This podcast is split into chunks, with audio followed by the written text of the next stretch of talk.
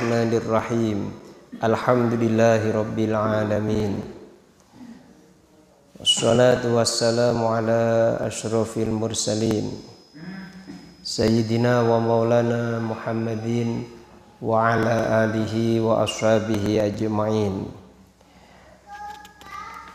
قال المصنف رحمه الله تعالى ونفعنا به وبعلومه في الدارين. آمين. Qala sallallahu alaihi wasallam. Sholla mugi paring tambahi rahmat azim Sholla mugi paring tambahi rahmat azim Sapa Allahu Allah. Alaihi ing atase Kanjeng Nabi Muhammad sallallahu alaihi wasallam wasallama lan paring keselamatan. Sinten Allah. Setelah musannif membaca dua kalimat syahadat dalam kitab Sulam Taufiq ini beliau membaca solawat untuk baginda Nabi besar Muhammad Sallallahu Alaihi Wasallam. Membaca solawat di awal tulisan itu dianjurkan membaca solawat di awal kitab, di awal buku, di awal karangan, di awal karya tulis itu dianjurkan. Sebagaimana awal karya tulis, awal buku dianjurkan untuk diawali dengan bacaan Bismillah Alhamdulillah. Itu sesuai dengan sunnah Nabi. Karena itu jangan heran kalau dalam banyak karya-karya para ulama, kitab-kitab para ulama, mereka menyebutkan solawat di dalam mukaddimahnya, menyebutkan solawat Nabi di dalam awal kitabnya. Apa tujuannya? Supaya kitabnya diterima oleh Allah Ta'ala. Supaya jerih payahnya diterima oleh Allah Ta'ala. Supaya kitabnya baru berkah. Nah, di tulisane nggawa napa berkah. Niku salah satu fungsi ini. Karena solawat niku faedahi kata sangat. Maka insya Allah akan kita terangkan sedikit demi sedikit faedah solawat Nabi, apa keutamaan solawat Nabi, apa hukum membaca solawat Nabi, apa hukum mengucapkan solawat Nabi ketika nama Nabi Muhammad Shallallahu Alaihi Wasallam disebutkan seperti ini. Wajib apa hanya sunnah? Membaca sholawat ini anjuran Allah Ta'ala. Dalam Al-Quran Allah Ta'ala berfirman Inna allaha wa malaikatahu yusalluna ala nabi. Ya ayyuhalladzina amanu sallu alaihi wasallimu taslima ini surat Al-Ahzab. Allah Ta'ala mengatakan, wahai orang yang beriman, sesungguhnya, pakai sesungguhnya, sesungguhnya Allah dan para malaikat itu membaca solawat untuk Nabi. Wahai orang-orang yang beriman, bacalah solawat untuk Nabi dan bacakanlah salam untuk Nabi. Nah, ini ini ada perintah loh Bapak Ibu ya. Ada perintah di sini. Sallu alaihi. Sallu ini perintah. Perintah itu mengarah kepada hukum wajib. Karena menurut ulama usul fikih kalau ada perintah itu maknanya wajib. Berarti kalau Allah Ta'ala memerintahkan kita untuk baca sholawat berarti mau sholawat hukumnya wajib. Di sini Allah Ta'ala nggak main-main di sini perintah kita baca sholawat. Diawali dengan memberikan informasi bahwa Allah dan para malaikat membaca sholawat Nabi. Allah dan malaikat membaca sholawat Nabi. Padahal kalau kita pikir, ya kan, Allah ini nggak butuh pahala kan gitu. Malaikat juga tidak butuh pahala. Malaikat gak butuh pahala, Allah tidak butuh pahala karena Allah yang memberi pahala. Malaikat pasti masuk surga. Itu pun baca sholawat kepada para kepada kanjeng Nabi. Ya kan? Allah ini gak butuh pahala. Allah yang memberi pahala. Allah ini gak butuh surga. Karena Allah yang punya surga gitu. Yang menciptakan surga. Allah nggak butuh surga. Tapi Allah Ta'ala baca sholawat. Apa tujuannya? Tujuannya adalah ngajari kita. Lu Allah saja yang seperti itu aja baca sholawat untuk Nabi kenapa engkau kok gak mau baca sholawat? Itu mananya Allah saja baca sholawat untuk Nabi padahal Allah nggak butuh pahala. Allah nggak butuh surga. Allah nggak butuh dekat kepada Nabi. Nggak butuh karena Allah yang menciptakan Nabi. Tapi Allah pun baca sholawat. Artinya kan kita harus mikir itu ya. Oh iya, lawang Allah yang kayak gitu. Sifatnya maha mutlak semuanya. Kok baca sholawat kepada Nabi. Apalagi kita. Malaikat yang enggak butuh pahala. Karena malaikat itu mesti masuk surga. Karena makhluk Gusti Allah itu ono sing mesti masuk surga, ono sing mesti masuk neraka, ono sing kadang melbu surga, ono sing kadang melbu neraka. Niku makhluk Gusti Allah. Sing mesti melbu surga niku malaikat. Nggih, para nabi. Sing mesti melbu neraka, gak kira melbu surga niki. Setan, iblis, saanak turune. Pun dinas nih nek ahli neraka ahli neraka nih. Nomor tiga iso mlebu surga iso mlebu neraka. Sapa menungso karo jin. Ana sing min ahli jannah ana sing min ahli nar. Tinggal melihat amalnya masing-masing. Termasuk punya amal baikkah yang menjadikan mereka layak untuk masuk surga? Apa malah kebalikannya dia beramal-amal yang buruk sehingga dia berhak menjadi penghuni neraka. Itu. Lu malaikat ini termasuk golongan yang pertama yang pasti masuk surga. Itu pun baca sholawat kepada Nabi. Maklum kalau malaikat ini walaupun tidak butuh pahala karena pasti masuk surga. Malaikat ini butuh kemuliaan tambahan. Tuh. Apa kemuliaan tambahannya? Kemuliaan tambahan membaca solawat kepada Nabi supaya punya nisbat, punya sandaran kepada Nabi. Maka malaikat ini jadi mulia sebab moco solawat kepada Nabi. Karena itu Nabi itu juga diutus kepada para malaikat. Tidak untuk membebani hukum tapi untuk memuliakan malaikat. Maka malaikat moco solawat kepada kanjeng Nabi ini ben tambah malaikat wis mulya Nah, maka kula jenengan iki dianjurkan sekali untuk membaca solawat Nabi. Wallah saja maca kok. Jadi maka ada informasi dulu nih. Sesungguhnya Allah dan malaikat baca solawat Nabi. Baru setelah itu Allah mengatakan, wahai orang-orang yang beriman, bacalah solawat kepada Nabi. Wahai orang-orang yang beriman, bacalah solawat kepada Nabi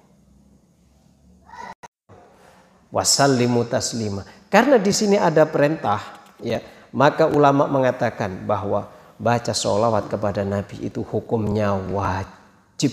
Tidak ada perbedaan katanya Imam Qurtubi. Tidak ada di antara ulama bahwa baca sholawat kepada Nabi itu hukumnya wajib seumur hidup satu kali. Untung kita setiap sholat baca sholawat itu sudah mewakili udah. Jadi ulama niku sepakat bahwa baca sholawat itu hukumnya wajib. Wajib, mergani diperintahkan. Nah memang kadar kewajibannya ini ulama yang beda dalam menentukannya. Wonten sing ngarani kesepakat kewajibannya seumur hidup sekali. Ono sing ngarani wajib ketika di dalam sholat. Itu cukup. Jadi sallu alaihi wasallimu taslima. Baca sholawat ini hukumnya wajib ketika di dalam sholat. Wonten lintune sing dawuh mboten kaya ngoten. Imam Tohawi mengatakan wajib kita baca sholawat kepada Nabi setiap nama Nabi disebutkan. Ya, setiap nama Nabi disebutkan. Karena kajian Nabi juga pernah bersabda, Orang yang pelit adalah orang yang ketika namaku disebut dia tidak mau membaca sholawat kepadaku. Nah, di sini terus ulama gabungkan antara hadis ini dengan ayat. Ayat itu mempunyai unsur perintah mengarah kepada makna wajib. Di sini juga begitu. Dalam hadis lain kajian Nabi mengatakan salah orang yang namaku disebutkan tapi dia tidak mau membaca sholat kepada saya kata kajian Nabi. Sallallahu alaihi wasallam. Kalau mm, jadi nah ini baca sholawat diperintahkan. Nah, kalau baca sholawat itu diperintahkan, mesti sholawat ini akan mempunyai faedah yang banyak sekali. Iya, banyak sekali faedahnya sholawat. Karena itu di kesempatan apa namanya malam hari ini kita sengaja akan membahas tentang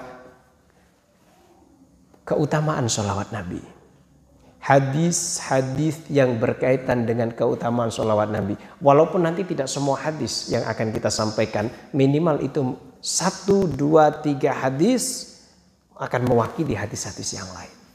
Tidak akan semuanya kita sampaikan. Karena nggak mungkin kalau semuanya disampaikan kan.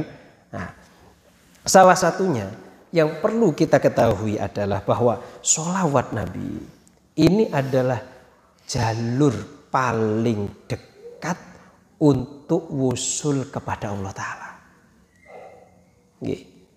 Jalur wusul kepada Allah Ta'ala. Nah, mungkin bahasa wusul ini untuk sebagian orang asing ya. Asing itu sampai kepada Allah Ta'ala. Bisa musyahadah kepada Allah Ta'ala. Bisa nyekseni Gusti Allah. Bisa makrifat billah. Wong makrifat kali mboten niku nggih benten. Hal yastawil a'ma wal baswir.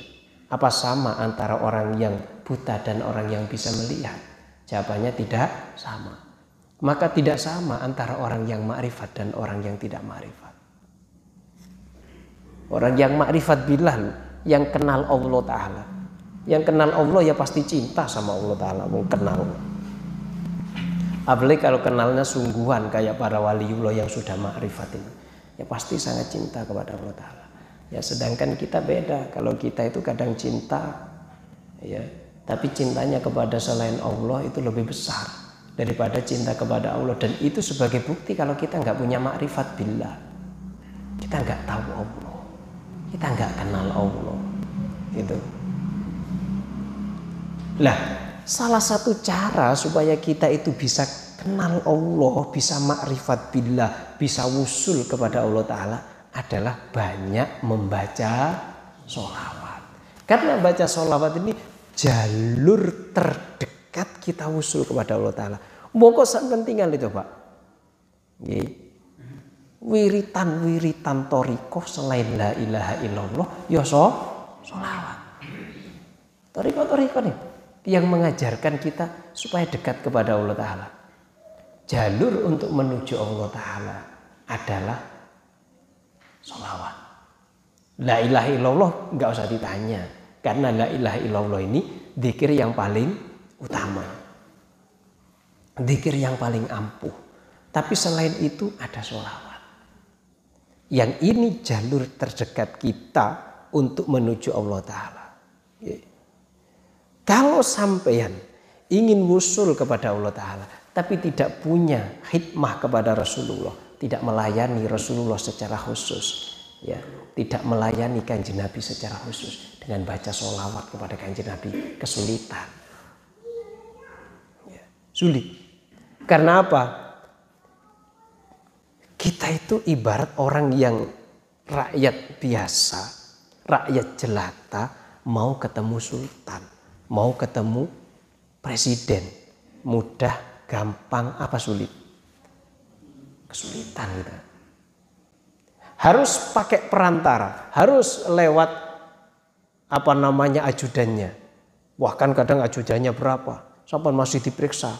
Ini gini, layak enggak menemui presiden? Layak enggak menemui sultan? Ini logikanya begitu. Ketika jenengan mau usul sampai kepada Allah Ta'ala. Tanpa lewat perantara yang paling dekat kepada Allah Ta'ala. Yaitu Rasulullah Sallallahu Alaihi Wasallam. Ini sangat sulit terjadi. Bisa dikatakan muhal. Tidak mungkin Orang bisa muncul kepada Allah Ta'ala, orang bisa sampai kepada Allah Ta'ala tanpa melalui perantara Nabi Muhammad Sallallahu Alaihi Wasallam, tanpa melayani Nabi Muhammad Sallallahu Alaihi Wasallam, tanpa baca sholawat kepada Nabi Muhammad Sallallahu Alaihi Wasallam. Tidak mungkin bisa. Ya, karena ya itu tadi. Kita itu ibarat rakyat jelata mau ketemu raja rakyat biasa mau ketemu presiden sangatlah sangatlah sulit bahkan sebagian orang karena merasa tidak layak merasa dirinya rendah tidak berani menghadap sultan tidak berani menghadap presiden. Apalagi kalau dia pikir saya punya salah kepada negara, saya punya salah kepada sultan, saya punya salah kepada presiden, mau menghadap gak berani kan minta menghadap aja nggak berani. Kayak begitu. Lah baca sholawat Nabi ini salah satu jalur kita untuk sampai kepada Allah Ta'ala salah satu jalur kita bisa musul kepada Allah Ta'ala mongko jenengan maus niku dalailul khairat tasik diwaos mboten nih Alhamdulillah sing maos gitu. Pun dijazahi lo ya gitu. Monggo diwaos nih. Niku pun cukup ya jenengan maos dalail pun cukup. Ulama-ulama dadi wali gara-gara dalail pirang-pirang. Nggih. Pun jenengan maos. Supaya uripe berkah, keluargane berkah. Putra-putrane ber berkah. Mun saestu nih. Nggih, saestu. Senin niku niki guru kula sering sering cerita. Ono kiai, ono wong kepingin sowan Mbah Hamid Pasuruan. Sowannya untuk apa? Untuk minta ijazah jal jalut. Jal jalut itu untuk kejedukan untuk nambani wong nah nek jenengan kepingin kalau nggak ada ijazah tapi mboten nanti kula amalno nih namanya jal jalut. Niki. Berupa amaliyah-amaliyah nek jenengan kepingin misalnya dibacok meniting jenengan kepingin bisa nyarati tokone wong ben lancar misale. Ya iki jal-jalut diwaca kula dijazahi tiyang mboten ati mboten wantun ngamalno ati boyo ngono tak ijazahi jal-jalut waduh. Sampai saat niki mboten mantun ngamal nek kitabe wonten setunggal-setunggal amaliyah niki fungsine niki amaliyah niki fungsine niki ana dhewe-dhewe. Kepingin gertak wong gertak pisang langsung geblak umpama gitu. Oh, kaya ngoten-ngoten niku. Nggih. Nah, niki tiyang sowan Mbah Hamid Pasuruan. Badhe nyuwun ijazah jal jalut. Sakderenge tiyang niki matur teng Mbah Hamid, dawuh guru kula niki lho, kula mboten semerap piyambak. Sakderenge matur, sak belum ngomong, Mbah Hamid iku cerita. Mbah Hamid iku memang waliullah, waskito. Tahu apa yang ada di hati seseorang tahu gitu. Mbah Hamid cerita. Ini tamu belum ngomong sama Mbah Hamid. Kan banyak tamu biasanya memang Mbah Hamid itu. Mulai pagi sampai duhur biasanya tamu mulai subuh itu gak, gak habis-habis itu. Ya. Mbah Hamid cerita ngeten. Zaman biyen ono wong luru sing siji ngamalno dalail sing siji ngamalno jal jalut cerita niki Dek durung ngomong nih, wis diceritani dhisik. Sing ngamalno dalail karo Gusti Allah. Putra-putrane putra wayahe didadekno barokah alim-alim solih-solih. Ngono nih. Sing ngamalno jal-jalut anak ibu budu Anake goblok, goblok gak iso ngaji. Sedangkan sing ngamalno dalail putra-putra putra wayahe keturunane dados tiang sae-sae. Dados tiang ingkang manfaat di masyarakat. Dadi tiang alim. Jere tamune. Lah nang ati niku. Lho ngaku kepingin jaluk ijazah jal-jalut kok malah diceritani ngene. Berarti padha karo ojo ngamalno jal-jalut. Mergane kok nek ngamal jal-jalut anakmu dadi bodho-bodho Berarti nek kepingin anake dadi soli, soliha, alim, alimah, monggo ngamalno dala dalailul khairat. Nah, niku mun dijazahno kok gak diamalno rak piye niku gitu. Tapi alhamdulillah masih ada yang mengamalkan nggih Mugi-mugi tambah berkah uripe gitu. Masya Allah kalau remen sangat. Gala itu fadilai. Termasuk fadilai maca solawat Nabi. Sing kata maca solawat. Nek mboten saged dalail jeneng ya sallallahu alaihi Muhammad sallallahu alaihi Muhammad. Berangkat kerja 10 menit 15 menit dari rumah. Solawatan karena itu satu luwih nih. Sallallahu alaihi wasallam, sallallahu alaihi wasallam, sallallahu alaihi Muhammad, sallallahu alaihi Muhammad, sallallahu alaihi Muhammad. Nggih. Udah berapa sudah?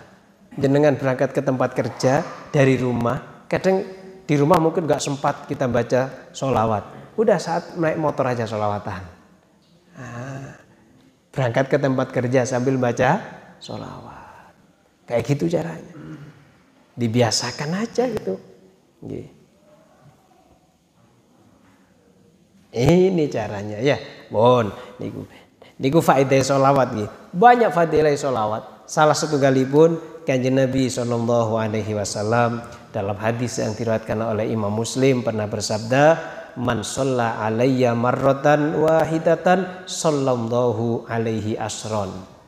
Barang siapa yang baca solawat kepadaku katakannya Nabi satu kali maka Allah baca solawat kepada dia sepuluh kali.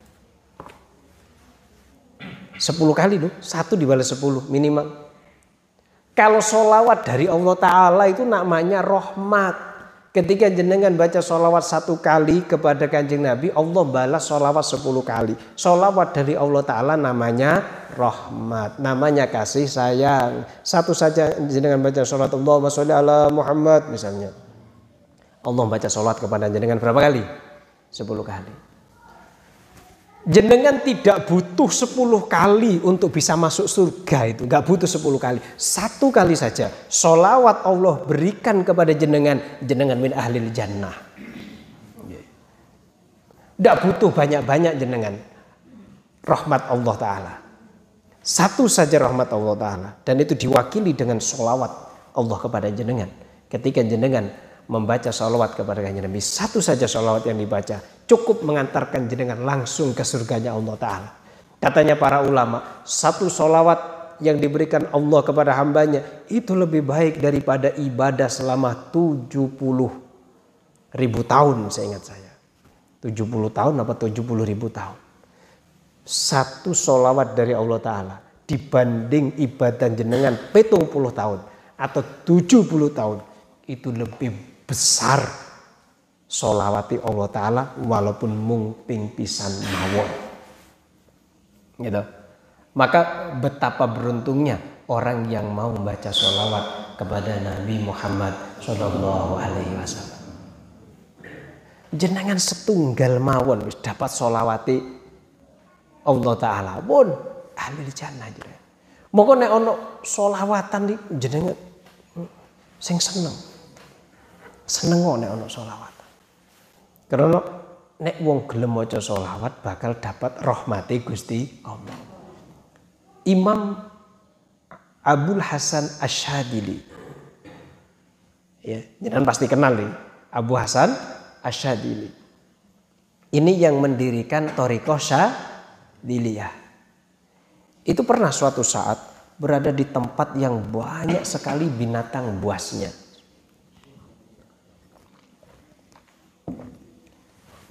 Banyak binatang buasnya. Sapu galak nek cara wong Jawa, cara bahasa kita. Nah mriki nggih, sami napa? Sapu apa satu? Napa, Pak? Satu. Satu.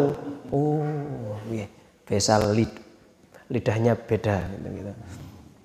Banyak binatang buasnya. Bahkan binatang buas itu sudah mengaum-ngaum kepada Abu Hasan Asyadili.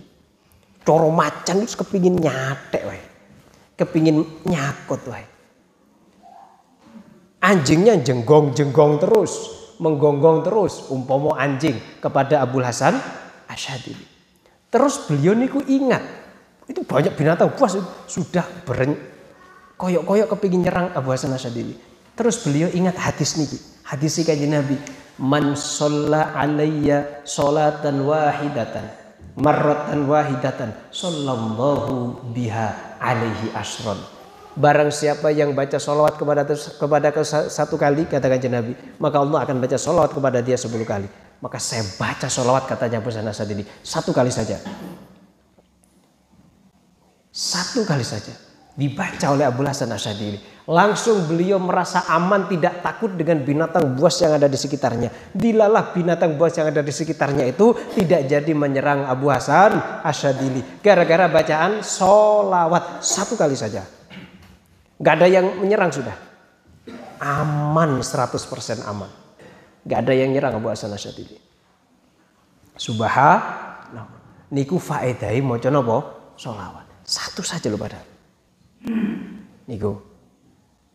Apalagi ada hadis lain ya yang menerangkan bahwa ketika seorang hamba membaca solawat kepada kanjeng Nabi dengan lubuk hatinya yang paling dalam percaya dengan solawat itu dari hatinya dia baca solawat maka Allah akan baca solawat untuk dia sepuluh kali menulis 10 kebaikan untuk dia, mengangkat 10 derajat untuk dia dan menghapus 10 dosa. Solawat satu kali, dosa jenengan 10 dihapus oleh Allah Ta'ala. Sholli ala Muhammad. Nah, ngapus dosa pinten? 10. Allahumma sholli ala Muhammad. Rong puluh, lo tuh. Allahumma ala Muhammad. Telung ngono. Naman maca ping 100 garing ngepingno. 100 ping 10 berarti pinten? Sewu. Berarti jenengan maca solawat ping 100 menghapus dosa sebanyak seribu kali. Oh, nek jenengan solawatan to ini majelis iki moko solawatan. Nggih. Yo sampai di majelis mboten solawatan. Jenengan ngaji ngeten iki nggih. Ngaji niki kemarin kita ngaji eh ya tak terangno oh, habis-habisan itu. Jenengan berada di majelis ngaji kaya ngeten iki, majelis halal wal haram, majelis membahas ilmu-ilmu Allah taala. Jenengan berada di sini aja. Enggak usah lama-lama wis lah. Karo turu barang ya gak apa-apa. Kesirep barang ya boten apa-apa. Sing penting hadir teng majelis niki. Nggih, hadir di sini.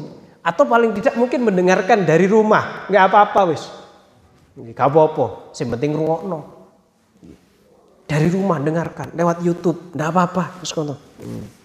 ngajiku saya pakai YouTube masalah ini jadi majelisnya majelis YouTube ngoten ini halakoi halakoi YouTube ngoten ya ini untuk melebarkan sayap ngaji kita ya supaya orang terkungkung di Jogja saja gitu hingga katanya Mas Heri tadi sudah nyampe ke Bandung. Yang Bandung juga lihat katanya. Lah iya orangnya di sini yang lihat di Bandung lah kan. Itu kalau ngajinya lewat YouTube.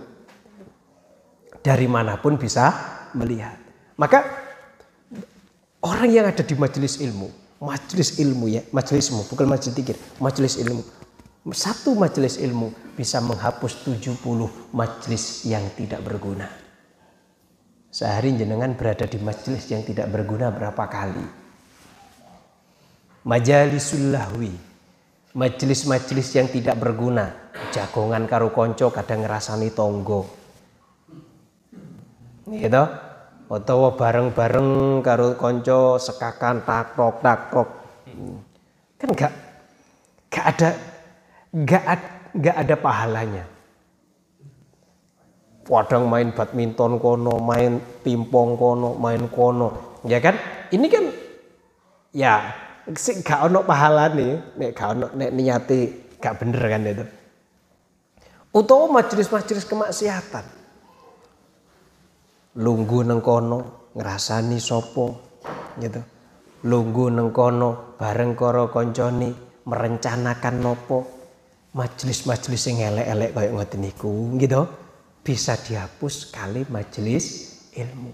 Mongko ojo sampai gak ngaji. Ojo sampai boten ngaji. Jenengan ngaji ngeten tok ngeten iki. Gitu. Oh lungguh sekali turu wis gak apa-apa. Sing nang dapur wis gak apa-apa meneng kono Nek wonten lho nggih. Wonten kan gitu. Ini kok dosane di ngapura.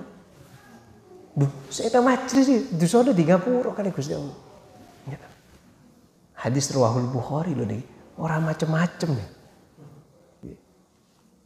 Pokok semua sing hadir. Dusune di ngapura oleh Gusti Allah. No, enak nama buatan majelis ilmu nih. Lu enak wis dengan turu lunggu niat ngaji kesirep lah tangi-tangi wis gari mangan karo ngombe umpama. Umpama lho iki lho.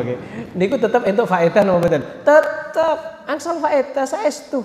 Bun, daripada kesirap nang omah mendingan kesirap nang kene wae. Ento pahala daripada kirep kesirap nang ngarep TV. Gitu. Atau kesirap karo ngrungokno nah, sesuatu yang tidak berguna. Kesirap mawon di majelis ilmu. Wah, kalau capek tadi kerja. Iya, siapa yang nggak capek? Semuanya kerja ya kan punya kerjaan sendiri sendiri tapi luangkan waktu seminggu satu kali seminggu dua kali kalau nggak bisa seminggu satu kali nggak bisa apalagi dua kali minimal sebulan satu kali ada di majelis ilmu supaya dosanya dihapus oleh Allah Taala semakin banyak jenengan di majelis ilmu maka dosa akan semakin banyak yang dihapus oleh Allah Subhanahu wa taala Allahumma Monggo biasakan putra-putra wayah-wayah diajak wis gak apa-apa walaupun ning jaba kono mboten apa-apa. Itu ganjaran nih kok jenengan sing ngajak ya untuk ganjaran. Nggih mboten. Pun sae pun niku. Sae ajak putu-putune cilik-cilik gak apa-apa. Biasa ben biasa para anak putra kula panjenengan niku maca ngaji biasa ngaji supados seneng nopo ngaji seneng ningali para tiang-tiang ingkang ngerti hukume Allah Subhanahu wa taala. Nggih, niku faedah. Setunggal mawon jenengan selawat kepada Allah taala, gitu. Fadilah ini luar biasa. Satu solawat dibalas sepuluh. Jenengan untuk satu solawat Gusti Allah taala wis langsung surga jenengan nggih. Langsung surga. Niku setunggal fadilah solawat. Wadah. Nomor kali donga niku gak mustajab. Donga niku gak ditampa kali Gusti Allah sampai wong gelem maca selawat kepada Nabi Muhammad sallallahu alaihi wasallam. Kanjeng Nabi nate dawuh. Nate dawuh ngeten.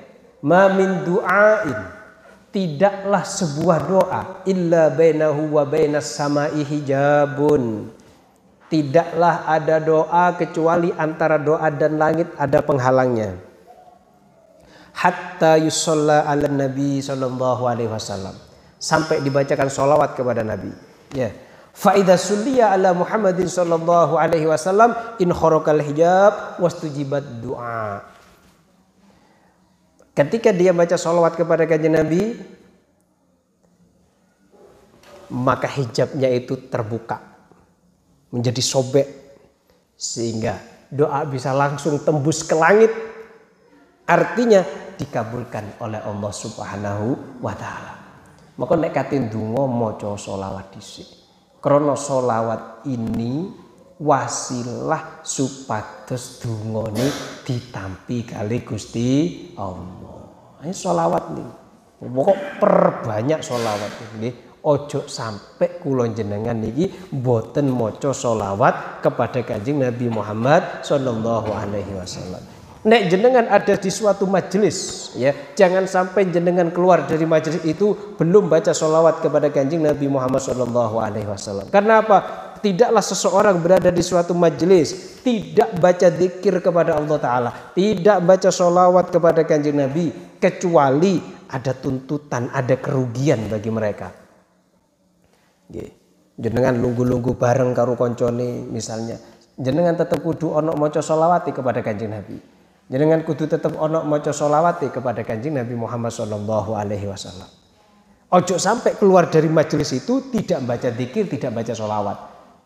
Pokoknya nek nang daerah kula niku, nek nang daerah kula nek ana kumpul-kumpulan, nek kate mulih niku disolawati. Allahumma sholli ala Muhammad, Ali. Ini berarti diizini mulih. Nek teng Jogja kan didungoni riyen nggih. Terus sing batin jagong jagong, sing badhe kundur nderekaken kundur. Ngoten niku nggih. Nek teng nggone kula mboten. Mari mangan kabeh, berkate mari dibagi langsung. Lu selalu Muhammad. Iku sing selawat sapa wae kena. Sing kesusu mulai biasa sing salat dhisik.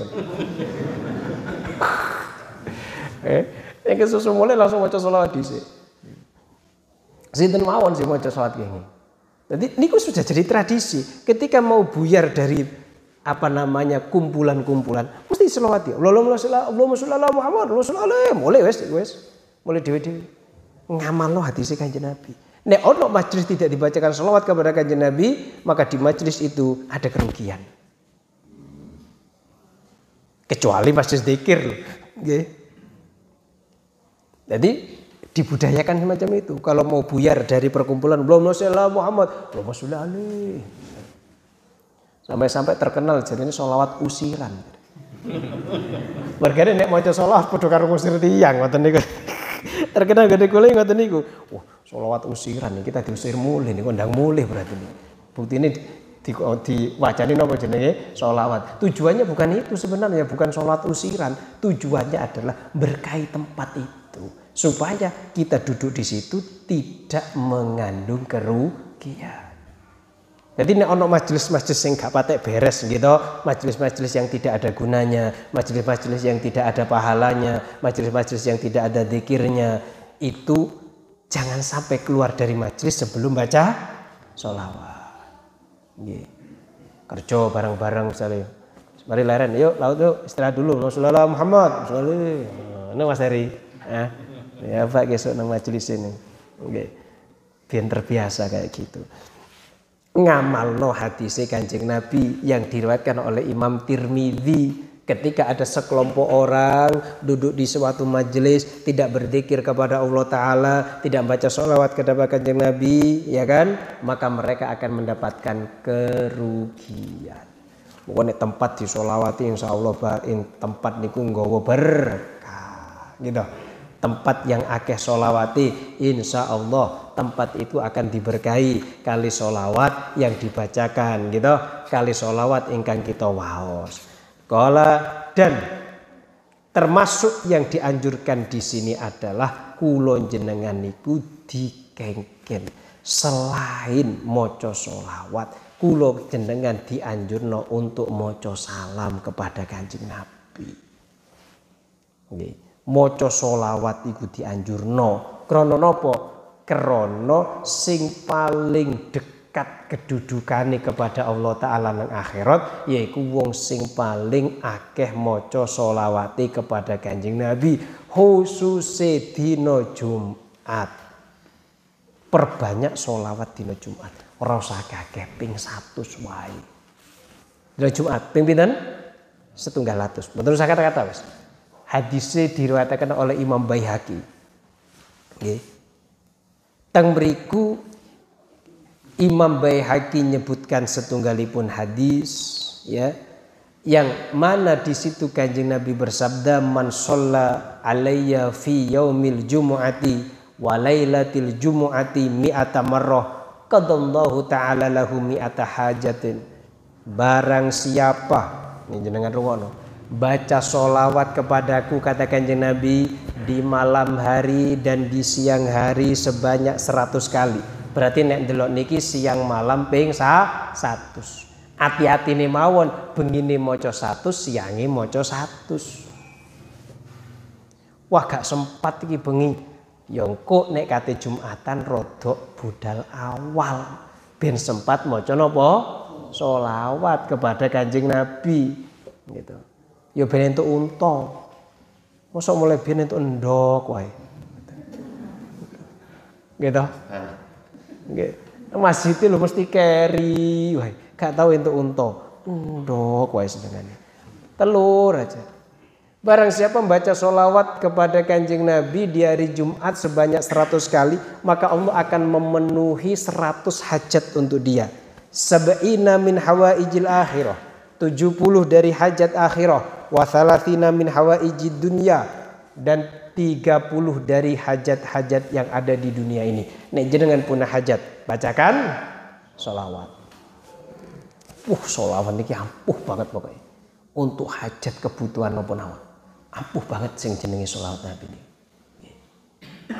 Selain itu, nek jenengan moco solawat teng kanjeng Nabi dino Jumat ping 100 bengi satu siang satu Gusti Allah niki bakal ngirim malaikat masuk teng kuburane Kanjeng Nabi. Nggih. Membawa hadiah. Nggawa solawati iki solawati fulan. Dan malaikat itu matur teng Kanjeng Nabi. Kanjeng Nabi fulan bin fulan mau solawat dumateng panjenengan jadi ketika jenengan di hari Jumat baca solawat ping satu seratus kali. Malaikat datang kepada kanjeng Nabi nyampaikan bahwa jenengan itu mau solawat pada kanjeng Nabi. Bukan cuma nama panjenengan yang disampaikan. Tapi nama panjenengan, nama bapak jenengan, nama mbah jenengan. Mari mbah, buyut jenengan. Mari buyut. Canggah jenengan. Mari canggah. Siwur jenengan. Hah? Udek-udek siwur. Sembuh lah opo niku. Sampai ono gedebok bosok barang oh ya Allah Gusti. Kok gedebok bosok niku? Nama-nama sampai kakek-kakek disebut nggih. Mantun ngoten. Kali kanjeng Nabi ditulis jenengin jenengan jenenge bapak nasab jenengan niku ditulis. Di delesan tinggi kanjeng Nabi neng kertas. Nggih nek jenengan purun mau sholawat pimpinan satu setiap hari Jumat dan malam Jumat. Nami jenengan itu ditulis kali kanjeng Nabi, nami bapak, nami bayi. Yo, coba. Nek coron jenengan ditulis iki kanggo apa sih? Ayo, kanggo napa? Tujuane engko nek dino kiamat Kanjeng Nabi tinggal mirsani. Oi kita wong sing layak tak syafaati. Jenenge iki bapak iki bapak iki. Iso-iso sak bapak pindah. Disafaati kanjeng Nabi barokai mau sholawat kepada kanjeng Nabi Muhammad Sallallahu Alaihi Wasallam. Iso-iso ngoten. Moga maca sholawat ping 100 mulai Jumat niki. Wah, kalau pun mau dalail ya tambahlah, mau mek satu wae kok. Sallallahu alaihi Muhammad sallallahu alaihi Muhammad sallallahu alaihi Muhammad. Kok sadawa-dawa. Nggih. Ngoten mawon pun cukup. Nama jenengan ditulis kali nek jenengan setiap Jumat mau ping 100 kira-kira catatane tak tambah akeh. Kertas-kertas itu yang tertulis nama jenengan. Ketika semakin banyak kertas yang ditumpuk di sisi kanjeng Nabi dan itu mengandung nama jenengan, maka kesempatan jenengan untuk dapat syafaat dari Nabi Muhammad SAW juga semakin besar. Wah, iki. Wah, iki berarti pateng sholawatan karo aku. Nah, so disafaati karo kanjeng Nabi. Loh, kanjeng Nabi sakit ngasih syafaat? Sakit. Sakit. Kanjeng Nabi punya syafaat modelnya banyak sekali. Nggih. Sing jadi kekhususan mung setunggal yaitu jenenge syafaatul uzma. Itu mung milik Kanjeng Nabi. Nek lintune mboten mboten saged. Nggih. Kanjeng Nabi itu punya keistimewaan syafaat namanya syafaatul ulama. Ini hadisnya sohi. Jadi nang hari kiamat kok wong-wong ini pada bingung. Kata jaluk syafaat nang Gusti Allah gak ono sing wani, nabi-nabi semuanya gak ada yang berani. Nabi-nabi yang ulul azmi gak ada yang berani. Yang cuma satu berani yaitu Nabi Muhammad Shallallahu Alaihi Wasallam minta kepada Allah Taala lalu dikabulkan permintaannya. Nomor dua, kanjeng Nabi punya kekhususan, punya keistimewaan. Kanjeng Nabi diberi kelonggaran oleh Allah Ta'ala untuk memberikan syafaat kepada umatnya supaya masuk surga di hisab. Masuk surga dengan tanpa hisab. Berapa itu umat kanjeng Nabi yang nanti masuk surga dengan tanpa hisab? Disebutkan dalam hadis adalah 70 ribu kali 70 ribu. 7 kali 7 ada 49. Berarti hampir 5 miliar umat kanjeng Nabi yang nanti masuk surga dengan tanpa hisab. Hampir 5 miliar. 4 miliar 900 juta umat kanjeng Nabi masuk surga dengan tanpa hisab dengan perantara syafaat Nabi Muhammad Wasallam. Kata saya deh, ya Allah maka kesempatan kita banyak sekali baca sholawat, banyak kan baca dalail. Jenengan yang mau dalail bu podo kalau mau wah gak kena dihitung sholawatnya. Nek mau dalail itu mau dalail jenengan buatin kenging itu sholawatnya jenengan berapa? Wong kadang niku ada dama kholaqofis sama. Ya Allah kayak ngoten niku.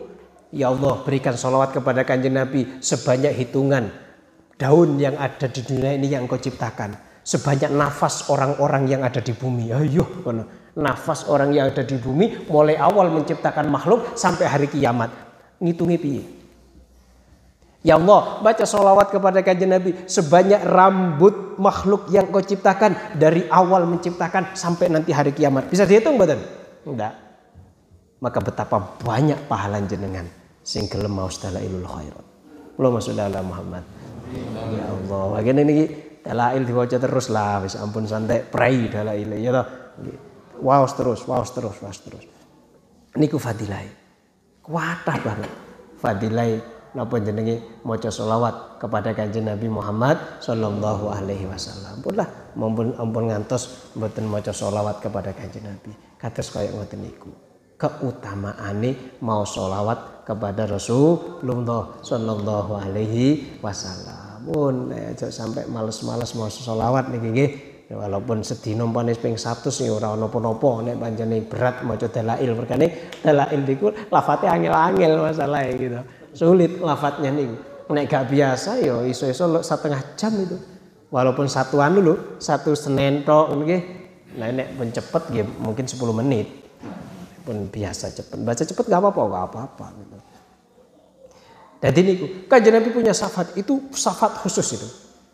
Jadi dua syafaat khusus, syafaatul utama karo memasukkan orang ke surga dengan tanpa hisab. Ada syafaat yang lain yaitu memasukkan orang-orang yang sebenarnya ini masuk neraka tapi dimasukkan surga. Dan ini tidak khusus untuk kanjeng Nabi, para nabi yang lain juga bisa, para ulama bisa, para aulia bisa. Tergantung kedekatan mereka kepada Allah Subhanahu wa taala. Nggih, mugi-mugi kula jenengan saged ngamalno selawat Nabi, saged angsal barokah selawat Nabi. Muga-muga kula jenengan saged angsal barokah selawat Nabi Muhammad sallallahu alaihi wasallam. Ini saja yang bisa saya sampaikan. Kurang lebihnya mohon maaf. Assalamualaikum warahmatullahi wabarakatuh. Ya Allah, alhamdulillah.